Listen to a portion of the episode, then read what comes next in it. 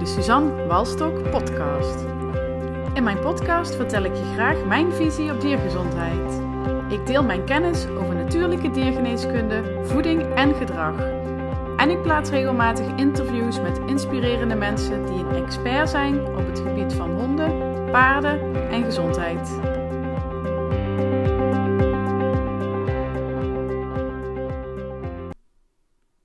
Allemaal, leuk dat jullie luisteren naar de derde aflevering van mijn podcast. Het, uh, wat ik vandaag met jullie wil gaan bespreken is uh, gedrag. Ik, uh, van de week dacht ik, ik wil een keer iets leuks gaan delen met iedereen op social media en via mijn e-maillijst. dus ik ging op zoek naar leuke filmpjes van honden op YouTube. Dus ik zoek op termen als grappige honden of funny dogs in het, in het Engels. En ik kijk naar een filmpje waar iedereen om moet lachen. En dat wil ik heel graag delen met iedereen. Om, ja, om een beetje positiviteit te delen met iedereen.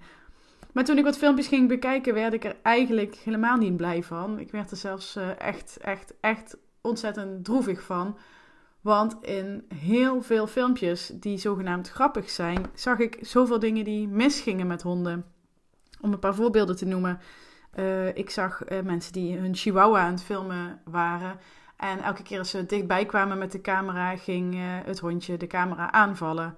Uh, dus uh, in eerste instantie keek hij weg, trok hij zich weg. Um, maar uiteindelijk begon hij te grommen en de camera aan te vallen. Maar mensen vonden dit dusdanig grappig dat ze besloten om het steeds opnieuw te doen en te blijven filmen om het vervolgens te delen op YouTube, omdat het zogenaamd grappig is. Uh, wat ik zie als ik zo'n hond zie, is, is pure paniek. Die hond geeft aan: jongens, je zit met iets in mijn, in mijn gezicht. Je bent te dichtbij, je bent te bedreigend. Laat me, laat me met rust gewoon. Dus ik dacht, dit, dit is niet grappig. Waarom, waarom denken mensen dat dit grappig is? Um, andere filmpjes die ik zag waren uh, met kinderen die uh, uh, honden gebruikten als, om op paard te rijden, zeg maar. Dat ze bovenop een hond gingen zitten en vrij hardhandig te werk gingen. En die honden gaven ook gewoon aan dat ze het niet leuk vonden. Het zijn hele lieve, uh, hele lieve vergevingsgezinde honden. Want er gebeurde niks. De hond reageerde niet agressief. Dus er was uh, voor het kind op dat moment geen direct gevaar. Maar de hond gaf wel aan dat hij het niet leuk vond. En ook dat vind ik dus niet grappig. Als een hond aangeeft dat hij het niet leuk vindt, dat hij het spannend vindt of als hij er stress van heeft dan is het aan ons uh, mensen om daarop te reageren en de hond te laten weten dat we zijn signaal hebben begrepen en dat we uh, ons plan gaan bijstellen. En niet dat we doorgaan met uh, bovenop een rug stuiteren, omdat het nou zo'n grappig filmpje geeft. nog een ander voorbeeld wat ik jullie wilde, wilde geven is een filmpje waarin honden uitglijden omdat de vloer ontzettend glad is. Dus een hond komt gewoon niet meer op zijn poten en blijft maar uitglijden. En uh, ja, mensen vonden het ontzettend grappig, bleven aan mij bij lachen en bleven filmen. En die hond heeft er uiteindelijk een paar minuten over gedaan om zelf op te kunnen staan, om te kunnen verplaatsen. Ik werd er echt serieus, echt verdrietig van. Ik denk, hoe kunnen we als mensen dit doen met dieren en het dan uitgeven voor grappig? Um, mijn conclusie was eigenlijk nadat ik een, uh, nou ik denk dat ik een half uurtje op zoek ben geweest naar het ideale leuke filmpje waarin echt uh, grappige dingen stonden. Want honden zijn ontzettend grappig. Ik moet ook ontzettend met ze lachen. Dus ik wilde, ik, die energie wilde ik vooral verspreiden. Maar toen ik ging zoeken, zag ik dus alleen maar uh, signalen van honden die iets helemaal niet leuk vonden. Maar waarvan de mens het gewoon super grappig vond. Dus mijn conclusie was, na dat half uur zoeken, dat mensen de honden gewoon niet begrijpen. In ieder geval, ik wil niet generaliseren alle mensen. Maar in ieder geval de mensen die die filmpjes gemaakt hadden. Uh, ze begrijpen honden niet. Ze hebben geen idee wat hun hond probeert te vertellen. De signalen die ze geven. Um, dus daarop ben ik weer aan denken geslagen van hoe, ja, wat is nou de ide mijn ideale wereld? Mijn ideale wereld is dat mensen hun honden wel begrijpen, dat ze hun gedrag kunnen lezen. En uh, niet alleen de hele heftige, grote dingen. Want als een hond zijn lip optrekt en heel hard begint te grommen, dan weten de meeste mensen wel dat ze uit de buurt moeten blijven. En dat uh, hij of zij het echt niet leuk vindt wat er gebeurt. Maar er zijn zoveel stapjes daarvoor waarin honden ook met ons communiceren. Maar als wij de taal niet begrijpen, dan weten we niet wat ze bedoelen. En het is geen rocket science. Het is niet zo ingewikkeld dat je er, weet ik veel, hoogbegaafd of telepathisch contact met de honden moet maken. Dat is het helemaal niet. Het is een kwestie van weten waar je op moet letten. En het daadwerkelijk ook doen. Je er bewust, van, er bewust mee bezig zijn en opletten wat je, wat je ziet bij je hond. Dus vandaar dat ik daar, uh, daar ook mee aan de slag ga. En ik wil er eigenlijk alles aan doen om zoveel mogelijk mensen uh, de tools te geven om dat te kunnen doen. Dus dat je, uh, want ik, ja, iedereen kent berichten in het nieuws over honden die hebben aangevallen of dingen die er mis zijn gegaan. En ik ben er natuurlijk niet bij geweest, dus ik weet niet wat er mis is gegaan. Maar wat ik wel weet, is dat een hond vaak honderd keer een klein signaal geeft dat hij het niet iets niet oké vindt. En het moment dat daar niks mee gedaan wordt en iemand gaat uh, structureel over de grenzen van een hond heen, dat, er dan, dat het kan escaleren. Sommige honden geven zo vaak subtiel aan dat iemand over zijn grens heen gaat. Maar als een hond structureel daarin niet gehoord wordt, dan gaat hij op een gegeven moment die, uh, of, het, ja, of het tegenovergesteld dat een hond gestraft wordt omdat hij, omdat hij signalen geeft dat hij iets niet leuk vindt. Wat een hond dan als reactie gaat doen, is die subtiele signalen niet meer geven. Dus dat kunnen honden zijn die op een gegeven moment uit het niets lijken aan te vallen. Gewoon omdat ze hebben afgeleerd om subtiel uh, aan te geven dat iemand over hun grenzen heen gaat. En dan is het natuurlijk wel een uh, moeilijker verhaal. Want waar ik voorstander van ben, is dat we. Kijk, een hond hoeft niet altijd in een situatie te komen. Ja, hoe moet ik dat zeggen? Sommige situaties zijn spannend voor honden. Ik werk als dierenarts in de praktijk. Honden komen bij mij in een vreemde omgeving. Soms moet ik bloed prikken bij ze. Soms wil ik um, behandelen. Hebben ze ergens pijn en wil ik er toch even naar kunnen kijken. Dus dat zijn best wel dingen die voor honden spannend kunnen zijn. Dus ik bedoel niet te zeggen dat we honden niet in een situatie mogen brengen die enigszins spannend voor ze kan zijn. Want um, ja, het zijn geen, uh, geen breekbare poppetjes waar uh, niks mee mag gebeuren. Maar ik merk wel dat op het moment dat je uh, accepteert dat ze iets spannend vinden en uh, op een manier met ze omgaat waarin je de spanning niet verder opvoert dan nodig, dat het voor een hond veel prettiger is en dat je ook veel beter kan samenwerken met een hond. Op het moment dat, die, dat je laat weten dat je zijn signalen ziet en, en uh, daar niet tegen ingaat. wat mij betreft is dat echt de ultieme manier om goed met honden om te gaan. En dan zul je ook merken dat een spannende situatie, zoals bloed, bloedprikken bijvoorbeeld, dat dat misschien wel eventjes iets meer spanning uh, oproept, maar dat ze dat ook weer heel snel vergeten zijn als je dat op een, op een goede, nette manier doet.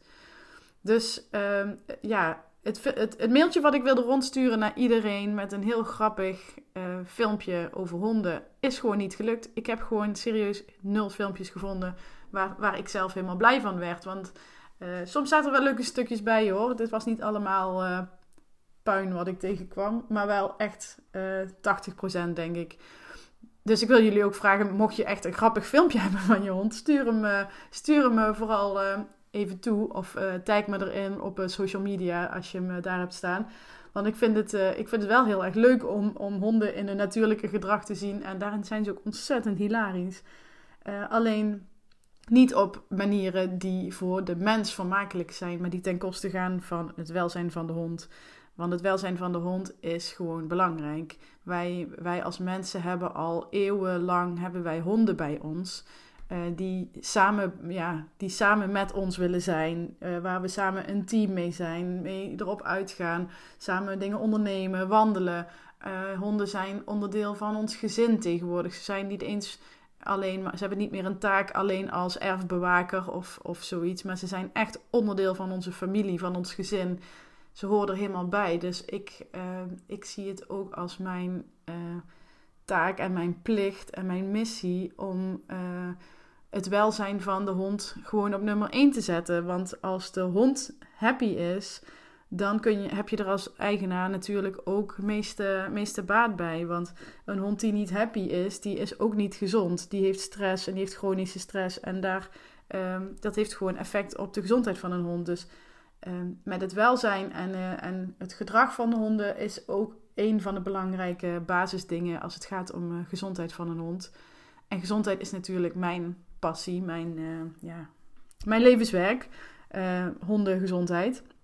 Dus ik, uh, ja, gedrag is één van de belangrijkste dingen als het gaat uh, om, om gezondheid. Het gaat gewoon ontzettend hand in hand. Heel veel gedragsproblemen bij honden ontstaan, kunnen ook ontstaan doordat er bijvoorbeeld fysieke problemen zijn. Een hond uh, met pijn bijvoorbeeld zal, uh, zal niet graag willen dat andere honden bijvoorbeeld in de buurt willen komen. Omdat ze weten dat als een andere hond bovenop ze springt, dat ze pijn hebben. Dus daar gaan ze vaak, ja, zo creëer je gedragsproblemen die soms een lichamelijke oorzaak hebben. Dus gedrag is iets super interessants. Ik ben daar ook heel graag mee bezig. Ik vind het echt, echt, echt heel interessant.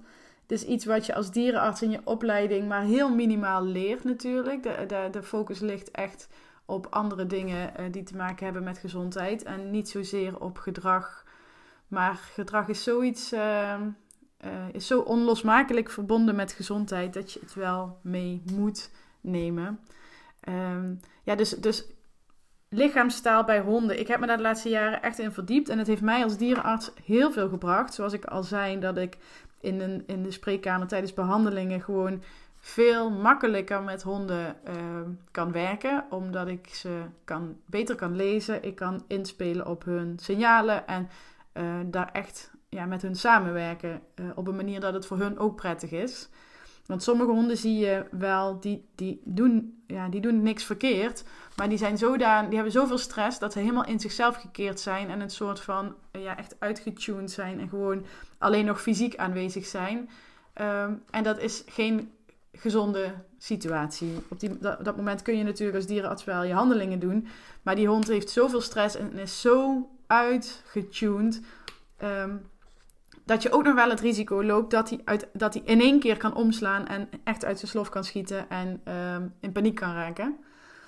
Uh, dus dat is iets wat je niet moet willen. Je moet niet willen dat je hond wel alles toelaat, maar in een volledig gestreste uh, toestand. Dus lichaamstaal is iets wat uh, niet alleen als dierenarts belangrijk is, maar ook, ook als eigenaar. Want als eigenaar ken je je hond natuurlijk het beste. Um, maar als je daar bewust mee bezig gaat, dan zie je zoveel meer subtiele dingen waar je, ja, dat is gewoon, dat is gewoon ook leuk. Daar kun je gewoon gebruik mee maken. Daar kun je, dan kun je van een kilometer afstand weet je al wat je hond uh, wil of niet wil. Uh, dus ik ben daar ook mee aan de slag gegaan. Ik uh, heb een ik heb een e-book geschreven. Ik weet niet, ja, voor degenen die het nog niet gelezen hebben, die kunnen naar mijn website gaan. suzannewalstok.nl En dan als je naar e-book gaat, kun je het e-book uh, gratis aanvragen. Uh, het onderwerp van het e-book is uh, stress, 20, 20 tips bij stress in de dierenartspraktijk. Dus voor honden die stressgevoelig zijn, voor honden die bang zijn bij de dierenarts, maar ook voor eigenlijk alle andere honden. jonge honden die op dit moment gewoon nog blij de dierenartspraktijk ingaan. Uh, daar kun je wel heel veel tips krijgen hoe je dat vooral kunt houden. Want je wil natuurlijk het liefste dat een hond levenslang helemaal happy en relaxed naar een dierarts gaat. En in dat e-book heb ik het ook uh, over de beginselen van lichaamstaal. Uh, de echte subtiele signalen die iedereen kan leren. Kan leren herkennen bij zijn eigen hond en bij andere honden. Dus uh, ja, ik zou je echt willen aanraden om het e-book uh, aan te vragen, uh, te downloaden en te lezen. Want daar kun je al heel veel, heel veel uithalen.